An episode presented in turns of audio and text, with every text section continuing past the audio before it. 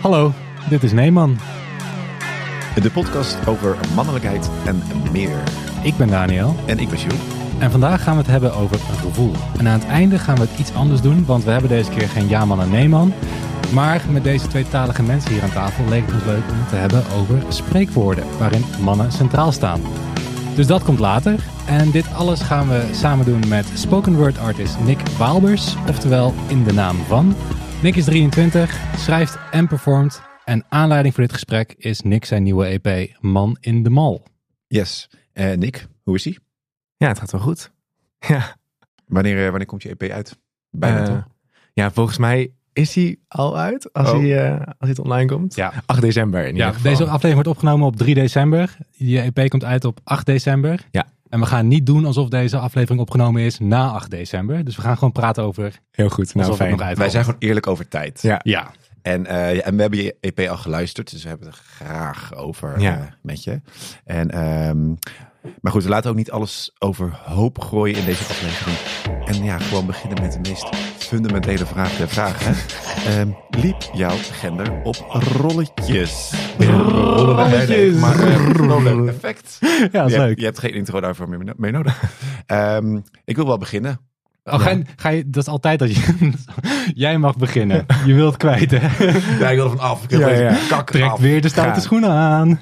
Ja, ik, ik eh, hou het kort. Maar op rolletjes. Punt. Nee, de, een hele korte rant. Eh, ik moet toch een beetje Roger's taken hier overnemen.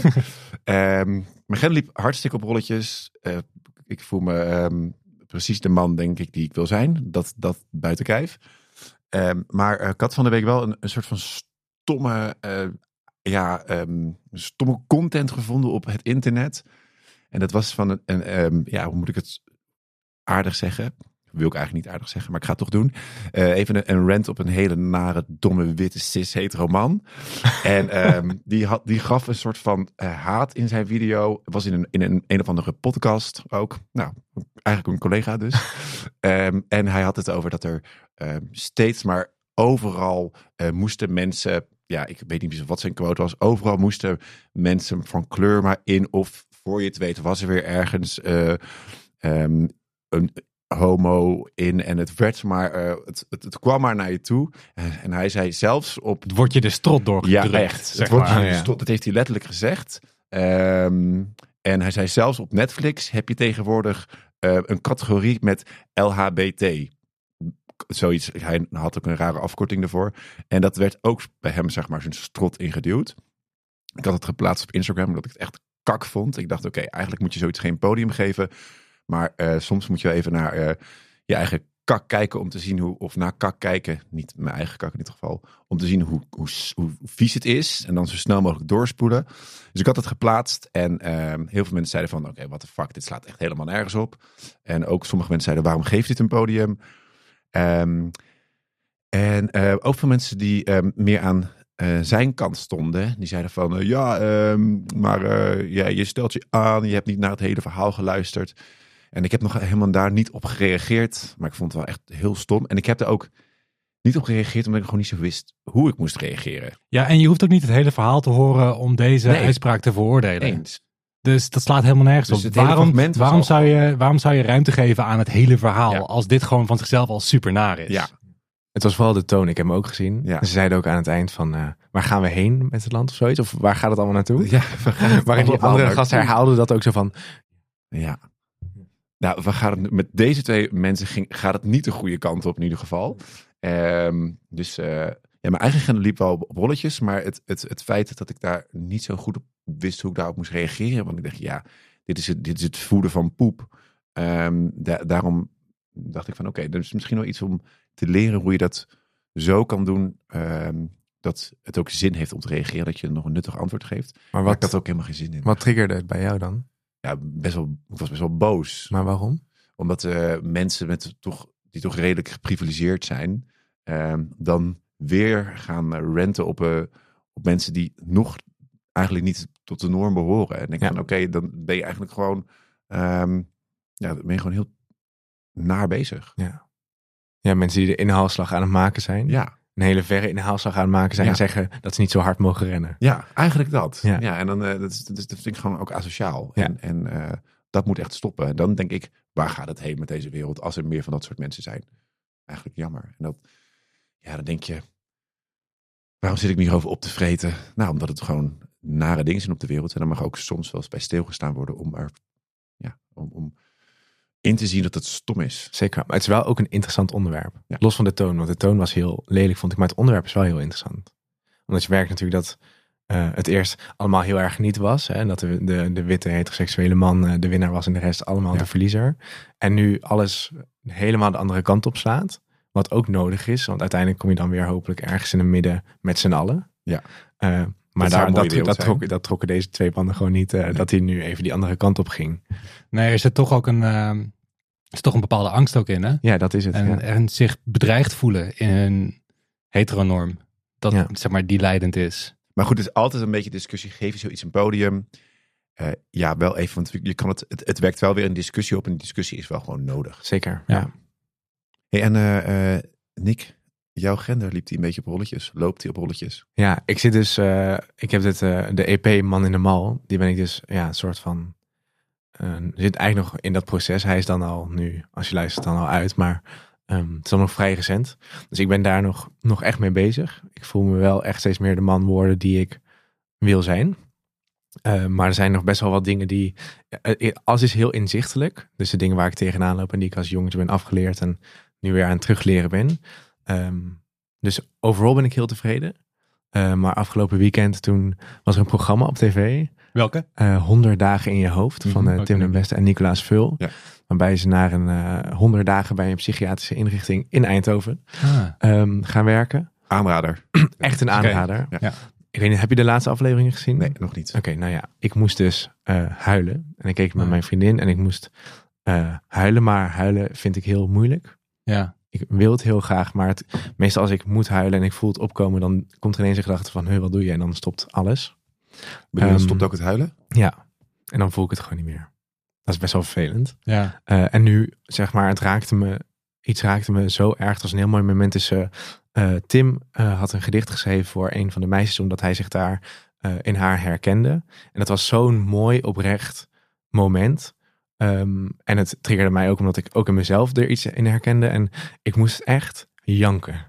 Gewoon, dus niet huilen met tranen, maar echt ongecontroleerd Ah. geluid. En ehm, ehm, nou, mijn vriendin is gelukkig super lief, dus dat was helemaal veilig en, en fijn. Maar daarna hadden we een gesprek over dat ik dat dus best wel moeilijk vind. En dat ik me daar schaamde voor dat ik ook geluid maakte, zeg maar. Ja, waar, waar komt die schaamte dan vandaan? Ja, omdat ehm, de, de- wat ik dus toen tegen haar zei, is, ehm, ik zei, ik ben eigenlijk best wel zacht. Mhm. En, ik, en toen zei ik, en nu ik dit zeg, zit er heel veel schaamte in dat ik zeg dat ik zwak ben, zacht ben. Eh, omdat, en dat komt dus er vandaan dat het vroeger in mijn jeugd gewoon niet oké was.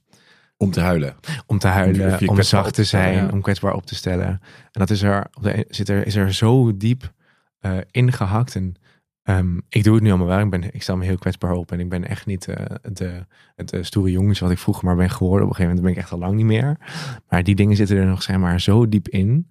Dat ik daar wel een beetje van schrok. Dat, het, ehm, dat ik me schaamde om te zeggen dat ik zacht ben. Terwijl ja, eigenlijk ben ik daar best wel trots op. Want ik vind het best wel fijn. Ook als andere mensen zacht zijn. En dan geniet ik daar heel erg van. Mhm.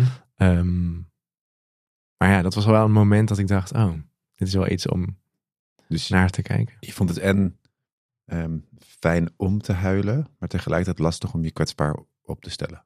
Ja, om het echt te laten gaan. Want terwijl ik mezelf geluiden hoorde maken tijdens hij, dacht ik echt, oh, zwakkeling. Gewoon. Hoezo, Heel hoezo erg. denk je dat dan? Als, je, je kan toch gewoon, het is toch Ja, gewoon dat- heel lekker om die waterval te laten gaan. Dat is waarschijnlijk Ja. ook omdat het gewoon al zoveel jaren erin is Ja. gestampt dat je dat niet doet. Wat was de laatste keer dat je had gehuild dan hiervoor? Mm, Wanneer bedoel ik? Echt zo gehuild als in gejankt, zeg Ja. maar. Dat is denk ik ehm, vier jaar geleden toen mijn hond overleed.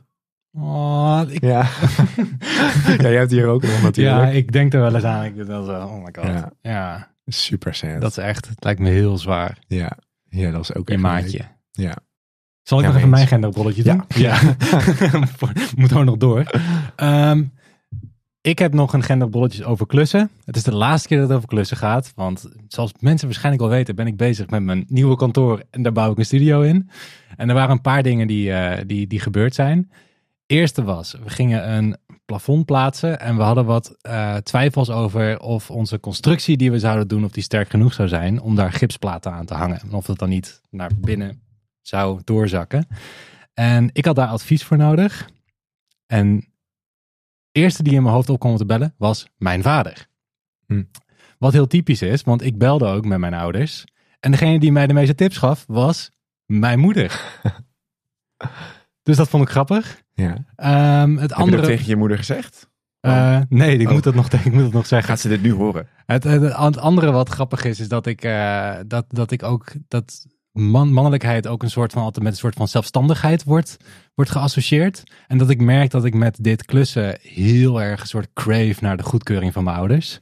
Dat ik daar ook heel veel uithaal. En dat ik ook als zij dan zeggen dat ze dan trots erop zijn, dat ze het vet goed vinden wat ik allemaal aan het doen ben, daar dat ik er echt een soort warmte van krijg. Maar ook naar beide ouders dus? Ja. Omdat je net zei dat ze eigenlijk hulp van je vader vroeg. ja, ik waardeer wel de mening van mijn vader daarin ook weer iets meer. Ja, dat is ja. dan wel weer grappig. Hoezo? Ja.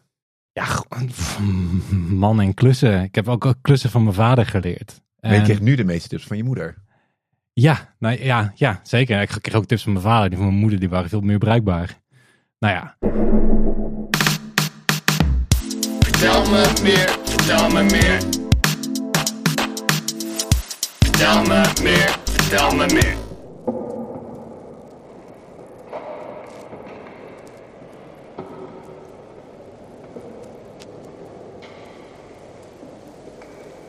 Aangenaam. Ik ben de man in de mal. Als kind speelde ik met verf in de plaats van auto's of een bal en mijn droom was om te acteren. Oh nee. Is hij een... Dat moest ik snel maar afleren. Ik zat in groep 7 en ging naar buiten. Om flyers uit te delen van een stuk waar ik in speelde. Kom alle naar me kijken. Homo werd op mijn deur beklad. Ik was precies tien jaar oud. Mijn ouders verfden de deur weer terug naar dezelfde kleur alsof het nooit was gebeurd. En bij mijn huis op de deur was niks meer te zien. Maar bij mij heel diep was er wel degelijk iets. Of iets, niet meer misschien. Op 8 december komt dus jouw nieuwe EP uit. Eh, die heet Man in de Mal.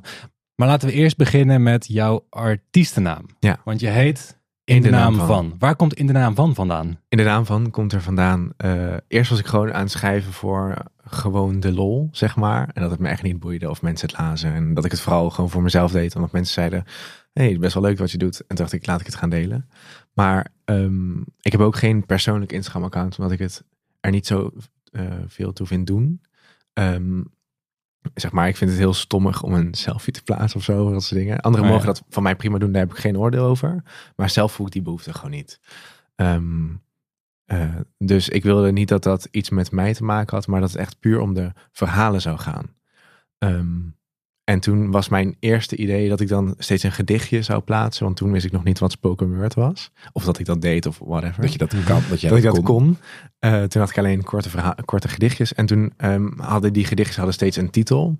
En dan dacht ik, dan is het in de naam van... En dan de titel van het gedicht. Dus in de naam van liefde of in de naam van whatever. Oh ja. En dat was eigenlijk het idee.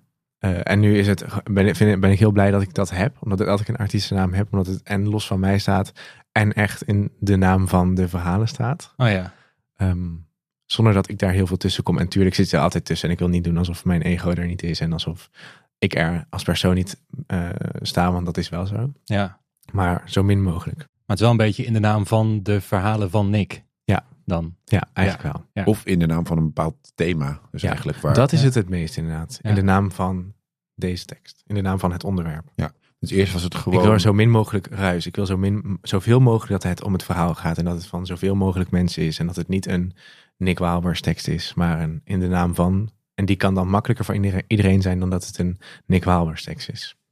Dus En- eigenlijk, eigenlijk zie je gewoon het dan een beetje dat de, de, de artiesten achter ehm, ja, de, de schrijver is dood, zeggen ze dan eigenlijk. Gewoon het draait echt alleen maar om de letters die Ja. daar staan. Ja. Om, het zo maar te zien. Dus, dus, dus mensen kunnen jouw teksten loszien van jou. Ja. Maar als je dan, we gaan het ook zo hebben over jouw EP. Ja. Daar ehm, zitten ook wel veel persoonlijke dingen in. Zeker wel. Dus dan Ja. gaat het ook wel echt wel, komt het wel vanuit jou, toch? Ja, ja alles komt eh, vanuit mij. Want ik kan alleen maar schrijven over mijn eigen ervaring. Ja. Maar ik probeer hem wel heel... ehm, ik hou ervan om tijdloos te schrijven. En daarmee bedoel ik, omdat ik dat een eerlijke teksten vaak vind. Omdat je schrijft, je moet dan echt vanuit je kern schrijven. Dus los van, zoveel mogelijk los van eh gedachten die je over dingen hebt. Maar zoveel mogelijk de ervaring, hoe je dingen ervaart. Waardoor die tekst en tijdloos is en van iedereen kan zijn. Omdat de emoties allemaal heel bazaal of heel algemeen zijn die iedereen heeft. Ik heb geen andere emoties. Ja, je zult vast genuanceerdere emoties hebben misschien. Ja. Maar de, de, de hoofdemoties heeft iedereen. Maar het klinkt als een uitdaging om, om tijdloos te schrijven. Want over 100 jaar eh, en mensen, en er zou misschien nog steeds internet zijn, mensen vinden jouw EP. Ja. Ehm, dan heeft het toch wel te maken met een bepaalde tijd waarin het is geschreven. Zeker. En spoken word, mijn spoken word EP heeft ook iets met een boodschap wat ik wil brengen. Wat ik hopelijk over 100 jaar niet meer is. Maar de menselijke ervaring, die hoop ik dat een, een tijdloosheid in zich heeft. En je EP heet Man in de Mal. Ja. Wat bedoel je met Man in de Mal? Eh, nou, ik vond het echt lekker bekken ook. Ja. en eh, nee, dat is flauw. Maar ehm, ehm, ja, het is, gaat over het jongetje wat dan op een gegeven moment gewoon een, een mal om zich heen krijgt. Waarin die moet opgroeien. Dus letterlijk als een koekjesmal waarin eh, ja, je niet verder mag groeien dan die mal. Omdat je je wil ontwikkelen, maar wel tot zover. ja, want dat heb je ook in, ehm, in je eerste nummer, volgens mij in Aangenaam. Ja. Begin je daar ook over, hè? Dat je dan tot een jaar of tien, Ja. dat je gewoon jezelf lekker wilde uiten. Ja. En toen op een gegeven moment werd er homo op jouw deur geklad. Ik weet niet Ja. of ik nu te veel spoilers geef. Nee, nee, ja, maar- ga je gang dan. Maar Ja. volgens mij is nu ook uit dan, toch? Als Ja, die, eh, ja, dat is waar. Ja. Dan heb je het daarover. Dat, zeg maar, dat, daar hebben we het ook wel vaak over gehad in de podcast. Dat als kind dat, dat je eigenlijk nog gewoon vrij bent en aardig en lief en sympathiek en met anderen mee kunt leven. En dan op een gegeven moment ben je een jaar of tien en dan moet je stoer worden. Ja. Moet je eraan gaan voldoen. Ja, daarvoor mag je gevoelswereld er zijn. En eh, Ja. maakt het allemaal niet zo heel veel uit wat je doet. En voelt en denkt en zegt en eh, dat soort dingen. En op een gegeven moment is dat afgelopen. Ja. En had je daar als jong jongetje, was je daar bewust van? Ehm, dat is een hele goede vraag. Ehm, ja, ik was me daar wel. Ik was me vooral bewust van het ding dat ik anders was. Dacht ik dan. Eh, omdat andere jongens in mijn klas al, denk ik, eerder de man in de mal waren geworden dan ik. Ik was ook een. eh, is dat een vroege leerling? Ik was jong altijd. Die jong. Ben je dan vroeg of laat? Vroeg. Vroeg, hè? Ik was een, eigenlijk een schooljaar eh, jonger dan. Je was altijd de jongste van de klas. Ja. Ja. Ja. Ja, Dus- laten we zeggen vroeg. Ja, ik was een Ja. vroege leerling. Nou, Ja. iedereen snapt nu sowieso wat ik bedoel. Eh eh, vroege leerling dus. eh, ik denk dat iedereen ook eerder in de, ehm, de man in de mal geworden was dan ik. Maar, waardoor iedereen al veel harder was. Waardoor ik altijd dacht, oh, ik- wie, dat ik raar was. Omdat ik gewoon nog dingen voelde. En eh, ik zat op toneelles en zo. Ik vond het allemaal super leuk. En ik was heel goed met meisjes eh, ook. En, maar ook met jongens, maar ook heel goed met meisjes. En ehm, ik vond het nog helemaal, ik vond het helemaal niet raar ook of zo. Dus ik denk vooral dat ik me bewust was dat ik anders was. Maar nog niet specifiek dat ik daar de vinger zo op kon leggen. En wat, wat is dan, als je er later op terugkijkt, datgene wat anders is aan jou? Eh, dat ik niet bang ben om mijn, dat, om mijn gevoel te uiten. Dat ik eh, eh, het, heel, het, de gevoel, het gevoelige spectrum van mens zijn gewoon heel leuk vind. Ik voel me daar gewoon heel fijn in. Ik ben gewoon sensitief in geluid, beeld, eh, eh, contact met mensen. Ehm, ik, ik uit me graag. Eh, ik maak dus ook kunst. Ik heb de theateropleiding uiteindelijk gedaan. Ik vind dat allemaal heel erg leuk. Ehm, terwijl, zeg maar, gewoon het werken en het schreeuwen bij voetbalwedstrijden, zeg maar, dat staat heel ver van mij vandaan. Ja. Dat voel ik echt totaal niet. Eh, En dat is een beetje die dat mal heb ik ook nooit waar begrepen. andere mensen dan wel in hebben gezeten of in Ja. zitten. Of ze vinden het wel ook echt leuk. Dat kan natuurlijk Ja. ook. Ik geloof ook echt wel dat er mensen zijn die dat allemaal heel erg leuk vinden. Dat is Dus heel moeilijk te geloven hoor. Ja. Eigenlijk. Je kijkt naar mij alsof ik... Alsof, Ja, jij staat elke Jij weekend, zit op eh, voetbal. Ik zat op voetbal, ja, maar ik heb met dat gedeelte heb ik me nooit comfortabel gevoeld. Dus ik, was, ik, ik stond dan wel langs de lijn gewoon voetbal te kijken, maar zonder ik van voetbal hield. Maar ik was dan niet degene die allemaal liederen ging scanderen en dat soort dingen. Nee, daar heb ik nooit echt, nooit echt last van gehad. Ja. last. ik had ook trouwens, toen, toen ik jouw titel zag eh, over eh, Man in de Mal, Ehm, het, gaat, het gaat over mannelijkheid, maar het gaat wel echt, zeg maar, het gaat best wel abstract over mannelijkheid. In de zin van je schrijft vanuit jezelf en je levert nooit direct kritiek op mannelijkheid. Ja. Het is meer je eigen ervaringen ermee. Maar tegelijkertijd las ik ook de titel Man in de Mal een beetje, dat het ook een soort van sneer was naar, naar mannen. Als in de malle mannen met hun mannelijkheid. Ja. Dat het ook een soort dubbelzinnigheid erin heeft zitten. Ik heb ook, eh, dat is een tekst die de, die de EP niet gehaald heeft. Maar daar zit iets over in. Maar dat heb ik er toch uitgehaald. Oh ja. Ja. Dat was ook wel een lekkere, die had ook wel lekker gebekt hoor. Ja, ja die, dat was ook een heel fijn stukje. Ik kan het misschien zo eh, even opzoeken. Maar eh, ja, ik wil het niet aanvallen omdat eh, dat vind ik niet eerlijk. Nee. Omdat ik dat, dat kijk, dat is, daar komt die tijdloosheid aan te pas. Ja. Ik kan het nu aanvallen, maar ik weet niet zeker of ik dat later nog vind. Omdat dat, dan is het, dat is een oordeel weer. En daar wil ik gewoon bij van afblijven, omdat ik daar niet helemaal helder van heb wat ik daarover vind. Want mannelijkheid is ook iets tofs en moois. En net als vrouwelijkheid, dat Mhm. het iets moois is. En die energie, zo ja, zie ik dat dan een beetje. En dat is ook Ja. yin en yang en la la la. Dus het is niet dat ik dat wil aanvallen. Maar meer de man in de, de mal is gewoon echt de man die dat allemaal niet mag zijn. Dus die de man, de mannelijke mal moet zijn. Ja. En heb je jouw EP ook gemaakt, ook om die mal een beetje af te breken. Ja. En hoe, hoe, hoe, hoe gaat dat artistieke proces voor jou dan? Eh, ja, het, eh, heb, beschrijf, beschrijf gewoon de fases waar ik voor mezelf in doorheen ben gegaan eigenlijk. Ehm, ik denk ook wel dat er een deel 2 gaat komen. Een soort man uit de mal. Een soortachtig project. Man, zon, man zonder mal. Man zonder mal. Man doe niet zo mal. Of zo. Ja. Nou goed, dan krijg je toch een mal. Ik denk dat je nog, nog heel veel EP's gaat uitbrengen. Dat, eh, dat hoop ik. Ja, ik heb genoeg om over te praten. Ehm, Maar veel van, van jouw teksten die gaan ook over het dealen met emoties. Ja, ehm, mijn teksten zijn stiekem eh, brieven naar mezelf. Eh, het zijn allemaal, het zijn dus wat ik zei, elke ehm, track is een fase van het man in de mal zijn en daar een beetje uit willen komen. En elke tekst is een brief naar mezelf vanuit die, van in die fase. En dus behalve, behalve de eerste track, dat is aangenaam, dat is gewoon een voorstelrondje of zo. Ja. Maar de rest is eigenlijk, eh, bijvoorbeeld de tweede track Verbrand gaat over echt een hele donkere periode waarin ik, waar ik in zat. Ehm, en die eindigt dan ook wel weer van, hé luister, je gaat nu door een donkere periode, maar die donkere periode, die beschermt alleen maar het mooie eh, licht in jou en wees daar bewust van. Ehm, dus ja, het is dealen met emoties inderdaad voor me, maar voor mezelf om te zeggen, hey, het is oké. En hij is dusdanig universeel dat hij ook voor andere mensen kan zijn. En wat ik me dan, Denk ik, hoop ik. wat ik me afvroeg, ons. Ik was heel eh, ik, was, eh, blij om, eh, om te horen. Ik werd ook wel soms een beetje op een, op een lekkere manier een beetje depri van. Ja. Omdat ik ook wel mijn gevoel de ruimte gaf dan. Ja. Toen ik er naar luisterde. Ja, ik, daar hadden we het vanmorgen. ik, ik appte jou dat ik die EP heel vet vond. Sowieso, ik vind het muzikaal heel vet. Want er zitten. Shout-out violen, saxofoons zitten erin, cinematic booms en ik weet niet wat. Weet je, van die mm-achtige geluiden. Dus ik vond het heel vet. Het is alsof je een soort van... Het is een soort toneelstuk waar je naar aan het luisteren bent. Vet. Dat vond ik, vond ik heel cool. En ook wel, ja, ik weet niet, de muziek is heel beeldend. Dus ik, dus, eh, ja, ik, ik zeg allemaal vage dingen nu. Maar dat zo, zo voelde het voor mij. Maar ik kreeg, ik, ik vond het dus juist, ik vond het totaal niet deprimerend. Ja, ik, ja ik, ik, op een, ik wel op een lekkere manier deprimerend. Omdat je, van, omdat je, ehm, je hebt wel een bepaald gevoel geraakt. Ja. Als je met de, ook met de teksten die je erin hebt verwerkt, maar ook met ehm, gewoon alle, alle klanken daarbij. Maar soms is het, het voelde gewoon als, als een, eh, als een beetje als een lekkere herfstdag. Oh ja. Jij houdt van de herfst, hè?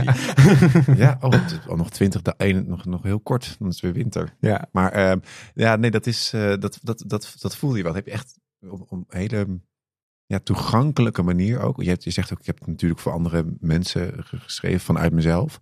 Maar dat voelde je ook echt. De- Gewoon die hele, ehm, eh, dat, dat die diepe, ja, voor mij ja, deprimerende Ja, ja. Toon of zo. Maar eh, waar je dan wel weer opeens een soort van nieuwe energie van kreeg. ja. Fijn. En wat, Ja, ik me dan, wat ik me ook afvroeg, hè, is dat ehm, je vertelde dat je ehm, op een gegeven moment toen werd je tien en dan krijg je die mal eigenlijk om je heen en dat, dat gaat je beperken. Ja. En je zegt nu, je bent nu een- flink wat jaren verder en nu geef je wel ruimte aan die emoties en je draagt het uit en eh, je stelt je kwetsbaar op. Maar ben je daar bewust van geworden doordat je het op papier bent gaan zetten? Of was je er al eerder bewust van en ben je dat op papier gaan zetten. Want het ding is, wat ik meer bedoel is van, ehm, wat ik zelf merk is mijn vocabulaire als het om gevoel of emotie gaat, is, is gewoon vrij beperkt. En het is heel moeilijk om daar een goede uitlaatklep voor te vinden. Ik denk dat misschien daar wel meer mannen tegenaan lopen. Dus heeft voor jou ehm, deze kunstvorm heeft die geholpen met je eigen emoties en gevoelens beter begrijpen? Wat een vage vraag, maar kan je het volgen? Ja, ja, ik snap het heel goed. Ja, ja. Eh, ja 100.000 procent. Ja. Ehm, ik schrijf, be- begin altijd met schrijven over iets. Eh, zeg maar, een trigger voor mij om te gaan schrijven is als ik iets eh, niet begrijp. Punt. ik zei het alsof het meer kwam. Maar punt. als ik iets niet begrijp. Als je dan daarover gaat schrijven. Het, ja, dit klinkt ook super vaag. Maar het schrijven overkomt me ook een beetje. Zeg Oh ja. maar, ik ga dan wel. Soms komt echt je gewoon krijgt de een zin. geest. Ik krijg de geest. en dan komt het gewoon. Ik weet ook nooit wat er gaat komen. Ehm, Maar die woorden moeten op papier komen dan. Of niks moet natuurlijk. Maar hoe, hoe, hoe ehm, het gaat woord voor woord. Ja. En, en hoe gaat het dan vanuit het hoofd, eh, vanuit de geest, dus naar, naar, het, naar het papier? Ja, Ja. hoe ontleed je als het ware je gevoel en emotie in die zin? Ja. ja. Ja, dat is, dat is ook een proces die mij ook nog een beetje onbekend is, omdat het echt gebeurt. Zeg maar, wat, hoe ik, het, technisch gezien hoe ik het schrijf, meestal komt er gewoon een eerste zin, die schrijf ik op. En dan, ik eh, eh, schrijf sprekend, dus ik zeg het en dan typ ik het. En dan zeg ik die zin net zo lang tot er een nieuwe zin in mijn hoofd komt. En dan spreek ik dat weer uit en dan tot er weer iets nieuws komt, weer iets nieuws. Wat dan ritmisch ook goed gaat. En, maar juist omdat er ook eh spoken word met rijm is en dergelijke, bij mij in ieder geval, is het ook steeds een verrassing wat erop kan rijmen. Oh ja. Waardoor, eh, en dat geeft me steeds antwoorden. Het is best wel ehm, magisch wat dat betreft. Omdat ik van tevoren nog niet kan bedenken wat er allemaal precies op rijmt. Maar door te kijken wat er op rijmt, kom ik automatisch, komen er zinnen in mijn hoofd die weer met het onderwerp te maken hebben. En als je binnen het kader van je onderwerp blijft, komt er op een gegeven moment iets wat dan sens maakt. Dus, dus de, de ene zin is af. En je weet eigenlijk niet zo goed waar de volgende zin over gaat. Maar het rijmen geeft je een richting. Ja, en daar zit dan vaak een soort antwoord in. En het rijmen maakt, maakt ook dat ik er makkelijker woorden aan kan geven aan wat ik voel. Omdat je soms wat meer de abstractie in moet. Ja. Eh, en dat moet in het Nederlands gewoon, want we hebben echt super weinig, eh, super weinig woorden. Het Engels heeft drie keer zoveel woorden. Dus wij moeten wat meer de abstractie in om over iets abstracts als gevoel te praten. Ja. Ehm, ja, zo eigenlijk. En vind je dat je in het Nederlands goed je gevoel kwijt kan, überhaupt?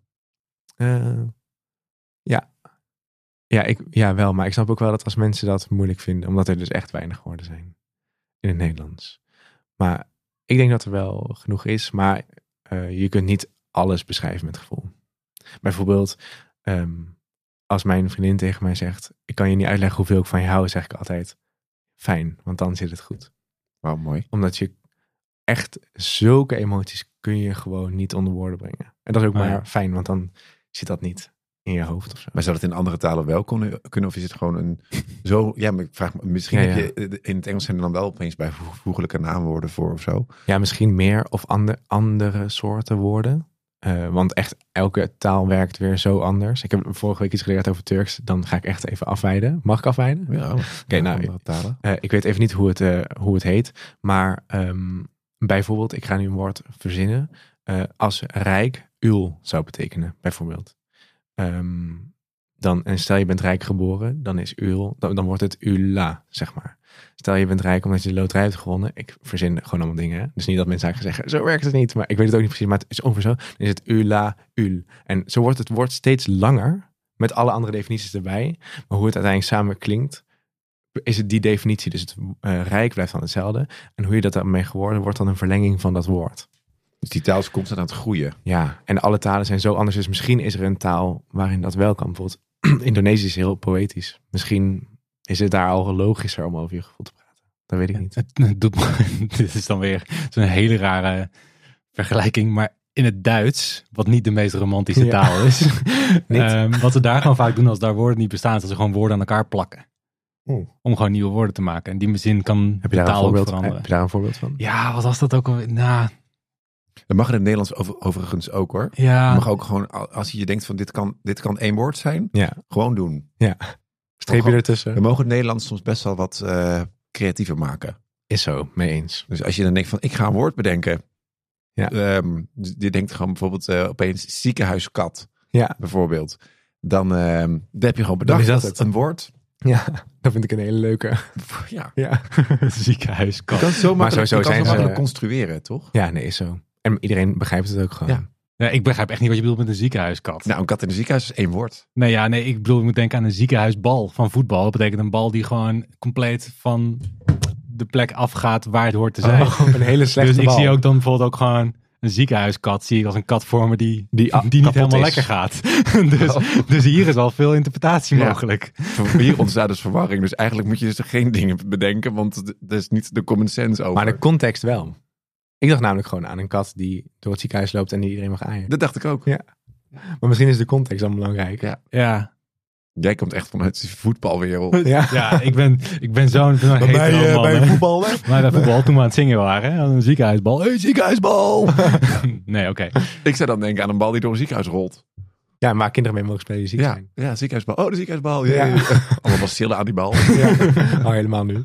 Een kat trouwens ook. Dat is het Ja. lekker te aaien. Maar goed. Was het, was het voor jou mogelijk geweest om die, dat vraag ik bij mezelf ook wel eens af, was het voor jou mogelijk geweest om, om die gevoelens te snappen als je niet die uitlaatklep had gehad? Want wat vaak wordt gedacht is, toen ik zelf op een gegeven moment merkte dat ik best wel vast zat daarin, is ga maar zitten en ga er maar over nadenken. Ja, super En heftig. Nadenken. maar het ook, ja, hoeveel kun je in je eigen hoofd vormgeven? Nou, daarom. Want als je bij jou bijvoorbeeld, als je het uitschrijft, staat het op papier. Dus dan maak je eigenlijk dat wat in je hoofd zit, maak je extern. Ja, concreet ook. Ja, en ik heb dus het idee dat de enige manier waarop het algemeen wordt gedeeld met emoties bij mannen is bijvoorbeeld te gaan sporten of Ja. bier te gaan drinken of weet ik wat. En dat is toch niet hetzelfde. Nee, nee ja. het is, ja, sporten is wel, denk ik, kan, is zeker wel goed ook erbij. Ja, Maar het is niet het hele proces. Nee. Want je weet dan nog steeds niet wat er aan de hand is. Ja, dus eigenlijk, eigenlijk zou, de, zou elke man op zoek moeten gaan naar wat is jouw uitlaatklep. Ja. ja, of wat is jouw manier om vorm te geven wat er aan de hand is? Ja. Dat denk ik. Ja, uitlaatklep sporten en drinken is een goede Het uitlaatklep. is een uitlaatklep, maar het, Alleen ja. je moet ook weer terug. Het kan Ja. allebei heel erg leuk zijn. Tuurlijk. Sporten en, Ja. en drinken. Misschien niet die combinatie. dat is niet goed voor je. Maar ehm, daarnaast, wat jij ook zegt, zijn er heel veel andere mogelijkheden om een uitlaatklep te vinden. Ehm, misschien nog heel erg onontdekt voor heel veel Ja. mensen en mannen. Zeker wel. En ik denk dan, wat ik net zei, vooral om te kijken, eh, om je probleem vorm te kunnen geven in die uitlaatklep. Zodat je echt weet dat je er iets mee kan. Om er iets, ja, om het praktisch te maken. Dus niet alleen, hoe kan ik mijn frustratie kwijt, maar ook kijken, hé, hey, waar komt mijn frustratie vandaan? En waarom Ja. ben ik zo boos de hele tijd als eh, de deurbel gaat? Ik zeg maar wat. Ehm, dat is die deurbel. ja, ja, er zijn veel triggers voor mensen. Ziekenhuisbel. Ziekenhuisdeurbel. Een mooi woord. Ziekenhuisdeurbel. Maar ehm, ja, dat. Ik denk dat dat ook handig is in de plaats. Want anders blijf je maar ervan weggaan. ja.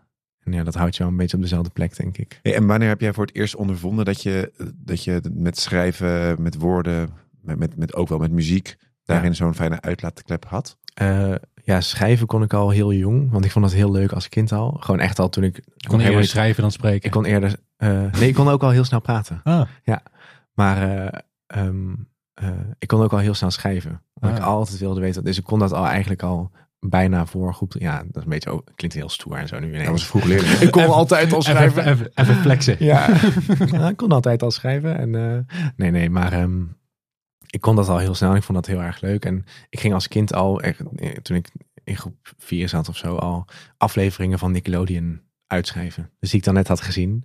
En dan schreef ik die gewoon op. Hoe, dan, hoe het dan ging. Waarom zou je dat doen? Dat vond ik dan leuk. Oké.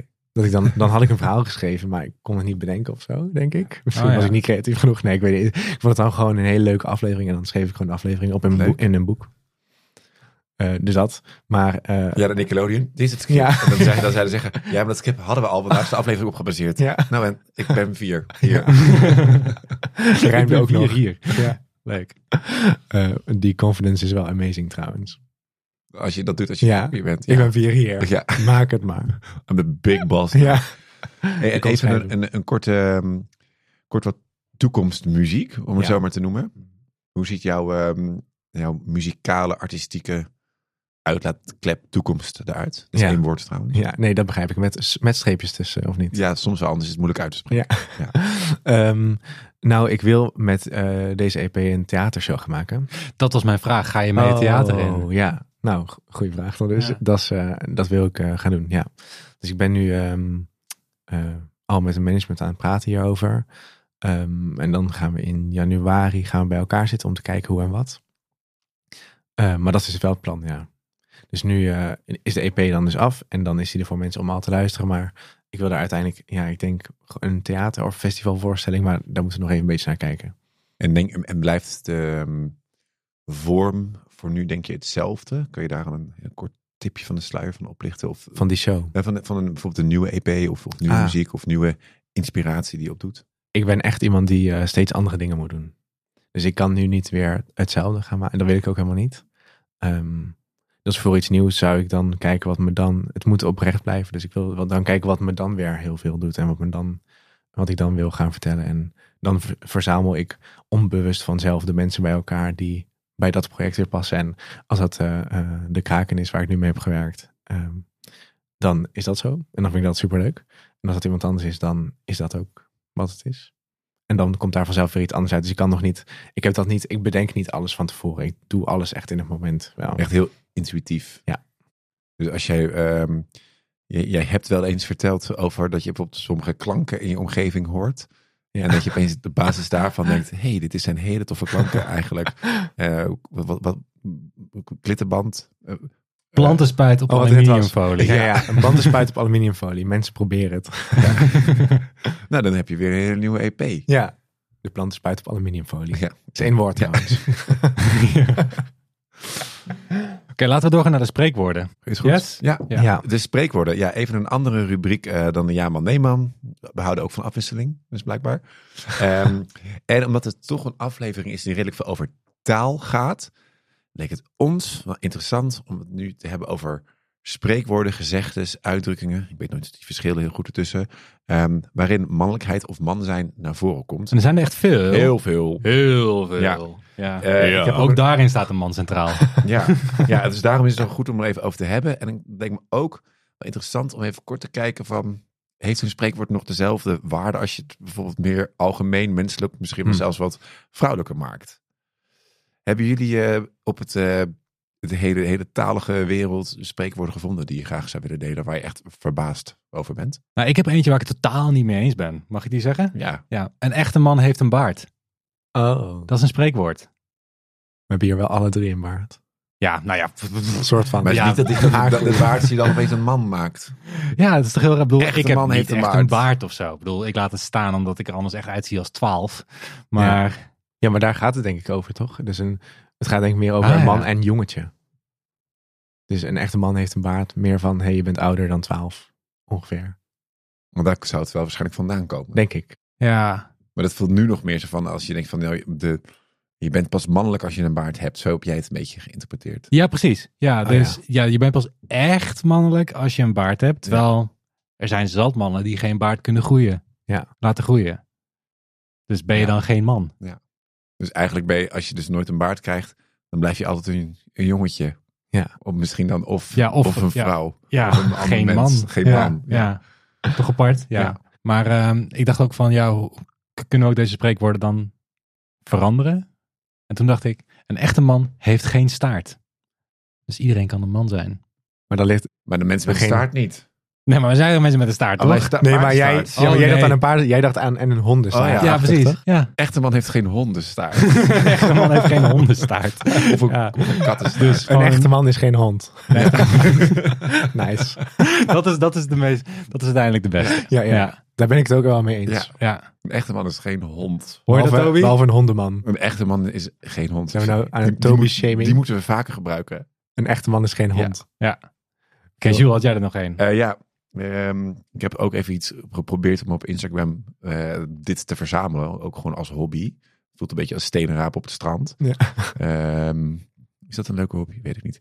Maar, ehm, en mensen gaven echt heel veel uitdrukkingen eh, die met man zijn te maken hebben.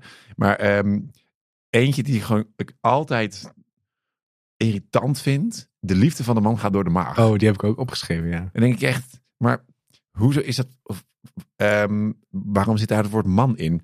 Als in iedereen wil toch eten? Ja. Waarom moet zo'n spreekwoord dan weer gelijk mannelijk zijn? Ja, maar ik denk dat het meer zegt over hoe ze de rolverdeling zien tussen mannen en vrouwen. Ja.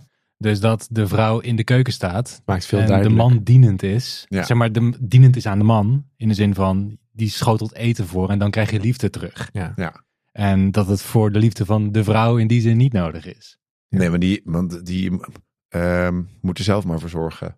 Ja. Dan of zo? Of, Het is een beetje zorg je goed voor je man qua eten, dan blijft hij bij lief. je. Ja, Ja. nou ja. Ja. daar weet je niet eens of hij lief Nee. is, maar dan blijft hij in ieder geval bij je. Ja. Ja, precies. En dan zorgt hij dat er geld verdiend wordt. Ja, het is een, uit een andere tijd hè. Ja, en nu, eh, als, dat, dus daarom is die spreekwoorden allemaal zo erg... ehm, Je, je zegt het is uit een andere tijd, maar ik hoor nog steeds wel, ik, ik best wel wat mensen die dan zeggen dat eh het enige recht van een vrouw is het aanrecht, bijvoorbeeld. Ja, maar die mensen toch Ja, maar niet meer ken je- nee, dat wordt zeggen- ook nog steeds serieus gezegd. Ken je, heb je ooit dat serieus gehoord? Ja, Ja? Wanneer? ja, ja Recent? Misschien moet je eens uit je bubbel stappen. ja, Nou, het wordt nog steeds gezegd. Ja? Gewoon serieus, met dat idee ook. Maar, maar dat is het niet, dat is Ik het heb niet er nog- gekscherend bedoelen. Nee. Ik zeg dat voor de grap altijd. Nee, nee, dat wordt nog steeds zo gedacht hoor. Dus je zegt dat, dat is een andere tijd, maar Maar het komt uit een andere be tijd. aware. Het komt uit een tijd om duidelijk aan iedereen aan te geven, dit zijn de regels. Ja, Die vrouw stond aan het aanrecht en die gaf het eten aan de man en toen bleef de man bij haar. Ja. Ja. Een heel oude. terwijl, terwijl de man in een hoek zit in een leren fauteuil. Ja. Ja. Met een glas whisky. dus Terwijl je hebt ook toch, die, die heb ik ook opgeschreven. Je hebt in 19, wacht, ik heb alles opgeschreven. In 19. Wow, heb je dit allemaal? Ja, ja, ik heb echt onderzoek gedaan. In 1986, Ja? die, die zin kennen jullie sowieso, maar ik wist het fijn er niet van. Als je een campagne van de overheid, van Sieren, ehm, eh, heb je de zin wel eens gehoord van, ehm, wie, is, eh, wat was? Oh ja, wie is de man die op zondag het vlees snijdt? Heb je dat wel eens gehoord? Dat is echt nog steeds heel Ik bekend. kom wel bekend voor. Dat is dus een, eh, ja, echt bijna iedereen kent dat nog. En dat is een zin, een, dus een reclame over dat een man thuis net zoveel nodig is als op zijn werk. Omdat mannen toen ook nog heel veel echte kostwinnaars waren. Ah. En is dan een, een reclame waarin een, een klein eh, jongetje en een klein meisje aan tafel zitten. Echt heel gespannen. En dan zit een man aan het eh, eh, einde van de tafel, aan het punt. Ehm, en dan komt de vrouw binnen. Je, we- je weet niet waarom er zoveel spanning is. En die man die snijdt dan het vlees. En dan zie je dat kind heel angstig naar die man kijken. En dan hoor je hem hardop denken. Wie is toch, dan fluistert hij. Wie is toch die man die op zondag het vlees snijdt? Dat komt dus omdat Ze weten niet wie die vader is, want hij altijd, want hij altijd werkt. Ja. Dus, liefde, eh, om een bruggetje te maken tussen, eh, eh, wat is nou liefde? De liefde van de man gaat door de maag. Ja. Daar zit ook wel dan een soort, wat is, wat is daar de link tussen, vraag ik me ineens af. Ja, nou dus in de zin van dan zou het misschien kunnen zijn, is het omdat je de hele week afwezig bent. Als je dan op zondag het vlees snijdt, Ja. dan uit je je liefde naar je kinderen en toon je je aanwezigheid. Ja. Of zo. Ja, wellicht. Een soort van, hey, sorry dat ik er nooit ben. Maar je, of, of hij wil dan toch op zondag ook nog even de baas spelen thuis. Denk van, ik bepaal hier wie Ja. hoeveel eet. Dat kan ook. Zodat hij dan toch een beetje aan het delegeren is op dat moment. Ja. Of aan het eh, regeren. Ik denk dat wel dat het een schuldgevoel is, toch? Denk ik. Misschien ook wel. Ja. Dat je Dan volgens toch... mij vinden mannen dat ook helemaal niet leuk. Dat ze altijd maar moeten... Compensatie van nu ga ik Compensatie, ja. Ja. ja. Wat had je nog meer uit je onderzoek gehaald? Onderzoek. Ja. Nou, eh, ik Voor de luisteraar, er zijn hier 18 A4'tjes opgeschreven. ja, ik heb mijn notities lekker volgehad. Nou, wat me sowieso opviel is dat eh, man in spreekwoorden zoals bij er is nood aan de man, als er nood aan de man is, eh, en bij met man en kracht, dat Hmm. het woord man vaak als men gebruikt wordt. Oh ja. Dus dat het niet per se, ja, je kunt heel erg zeggen, eh, er staat een man en daar kun je dan heel erg over vallen. Ja. Maar volgens mij heeft eh, het niet zoveel mee te maken. Ehm, maar je kunt dus ook men zeggen. Ja, dus Als- dat het eigenlijk gewoon vaak over mensen gaat. Ja, als, ja, maar dan wordt als man wordt aan- gebruikt als, als mens. algemene term voor mens. Ja, want Dus ik het wordt elkaar gelijkgesteld. Dat is ook problematisch. eh, ja, ja, ja. Want dan zie je Het is heel erg de essentie van mens is man. Ja. Ja. Maar misschien komt dat dus, want dat kon ik dus niet helemaal vinden, of het woord mens daar niet ook vandaan kwam. Want volgens mij ligt het woord man in de Nederlandse taal eh, dichter bij het woord mens dan vrouw. Ook qua klank. Ja. Ja, ook qua letters. Ja, ja nou let- ja, dat bedoel ik. Ja, ja. letterlijk. Ja. Ja. Eh, Dus dus dat is dan nog steeds ook qua, qua taal een mannenwereld. ja, dat is het ook. Ja. En de belangrijke dingen moesten dan de mannen weten, want daar hielden ze de vrouwen dan maar gewoon buiten. En ik denk dat die Mhm. daarom misschien buiten vrouwenwoorden zijn gehouden. Misschien. Ja, we hebben Als ik wel iets al nu een oplossing bedacht, denk ik me. Als je gewoon alles wat nu man is, Man. gewoon hond. Ziekenhuiskat. Ja, of ziekenhuis. Een, echt- een echte hond heeft een baard. Ja, een echte hond. Maar ook eh, een hond in de bonus de, zijn. de liefde van de hond gaat door de maag. Dat is Ja, zeker waar. Dat is duizend procent. waar. Dat is duizend procent waar. Ja. Ja. Waar gaat voor jou de liefde doorheen? Ehm, ik vind eh, eh, gewoon duvel, rosé en bitterballen. ja, dat, dan Gaat wel door de maag. Door de maag inderdaad. Ja, daarom. De, oh, De maag Ja. is een goede filter van Ja. nou, en dan, ben ik, hou, dan eh, hou ik wel van je als je me dat voorschotelt. Eigenlijk. Zin in. Eh, zeg maar zo, Daar heb je eh, wel de lente voor nodig. nee hoor. Oké. Voor de duvel tijd- niet. Tijdloos. Ja. Heb je nog een, eh, een leuk uit je Insta- Instagram? Eh, Ehm, nou, ik vond het allemaal dus niet zo heel erg, allemaal niet zo heel erg leuk. Maar, eh, want denk je van ja, echt, echt opvallend dat er zoveel zijn met, met mannen. Maar s'avonds een vent, s ochtends een vent. Oh ja. ja, wat ben je dan? Dat Ja, betekent dat je s'avonds dat- gewoon kan zuipen en dan 's ochtends ook dus op vroeg dat opstaat? heeft iets te Ja. maken met stel je niet aan. Niet zeuren. Niet zeuren, Ja. je moet gewoon doorgaan. Ik had daar dus iets. Ik ga hier op, even op aansluiten. Want ik heb op. eh, ik ging dus ook een hond, s ochtends een hond. We kunnen Klaar. gewoon elk random spreekwoord doen en het triggert jou om iets te zeggen. te Ja, zeggen. er, er staat vast iets over in mijn eh, aantekeningen. maar ik ging dus. Ochtends, s'avonds een hond, 's ochtends een hond. Dat is toch zo. Dat klinkt dan toch wel als een scheldwoord of zo. Echt een hond. Altijd. Gewoon altijd. maar ik ging dus op startpagina kijken. Oh, dat is echt oldschool. Ja, dat is echt oldschool. Ja. En daar ging dus een vader uitleggen wat vermannen dan zou betekenen. Ah. Dus eh, ja, dat was wel interessant. Want hij legde uit dat, ehm, als hij, dat hij heel vaak tegen zijn zoontje zegt dat hij moet ver- zich moet vermannen. En dat dat dan betekent dat hij, eh, dat hij dat dan zegt op momenten dat hij een grens over moet.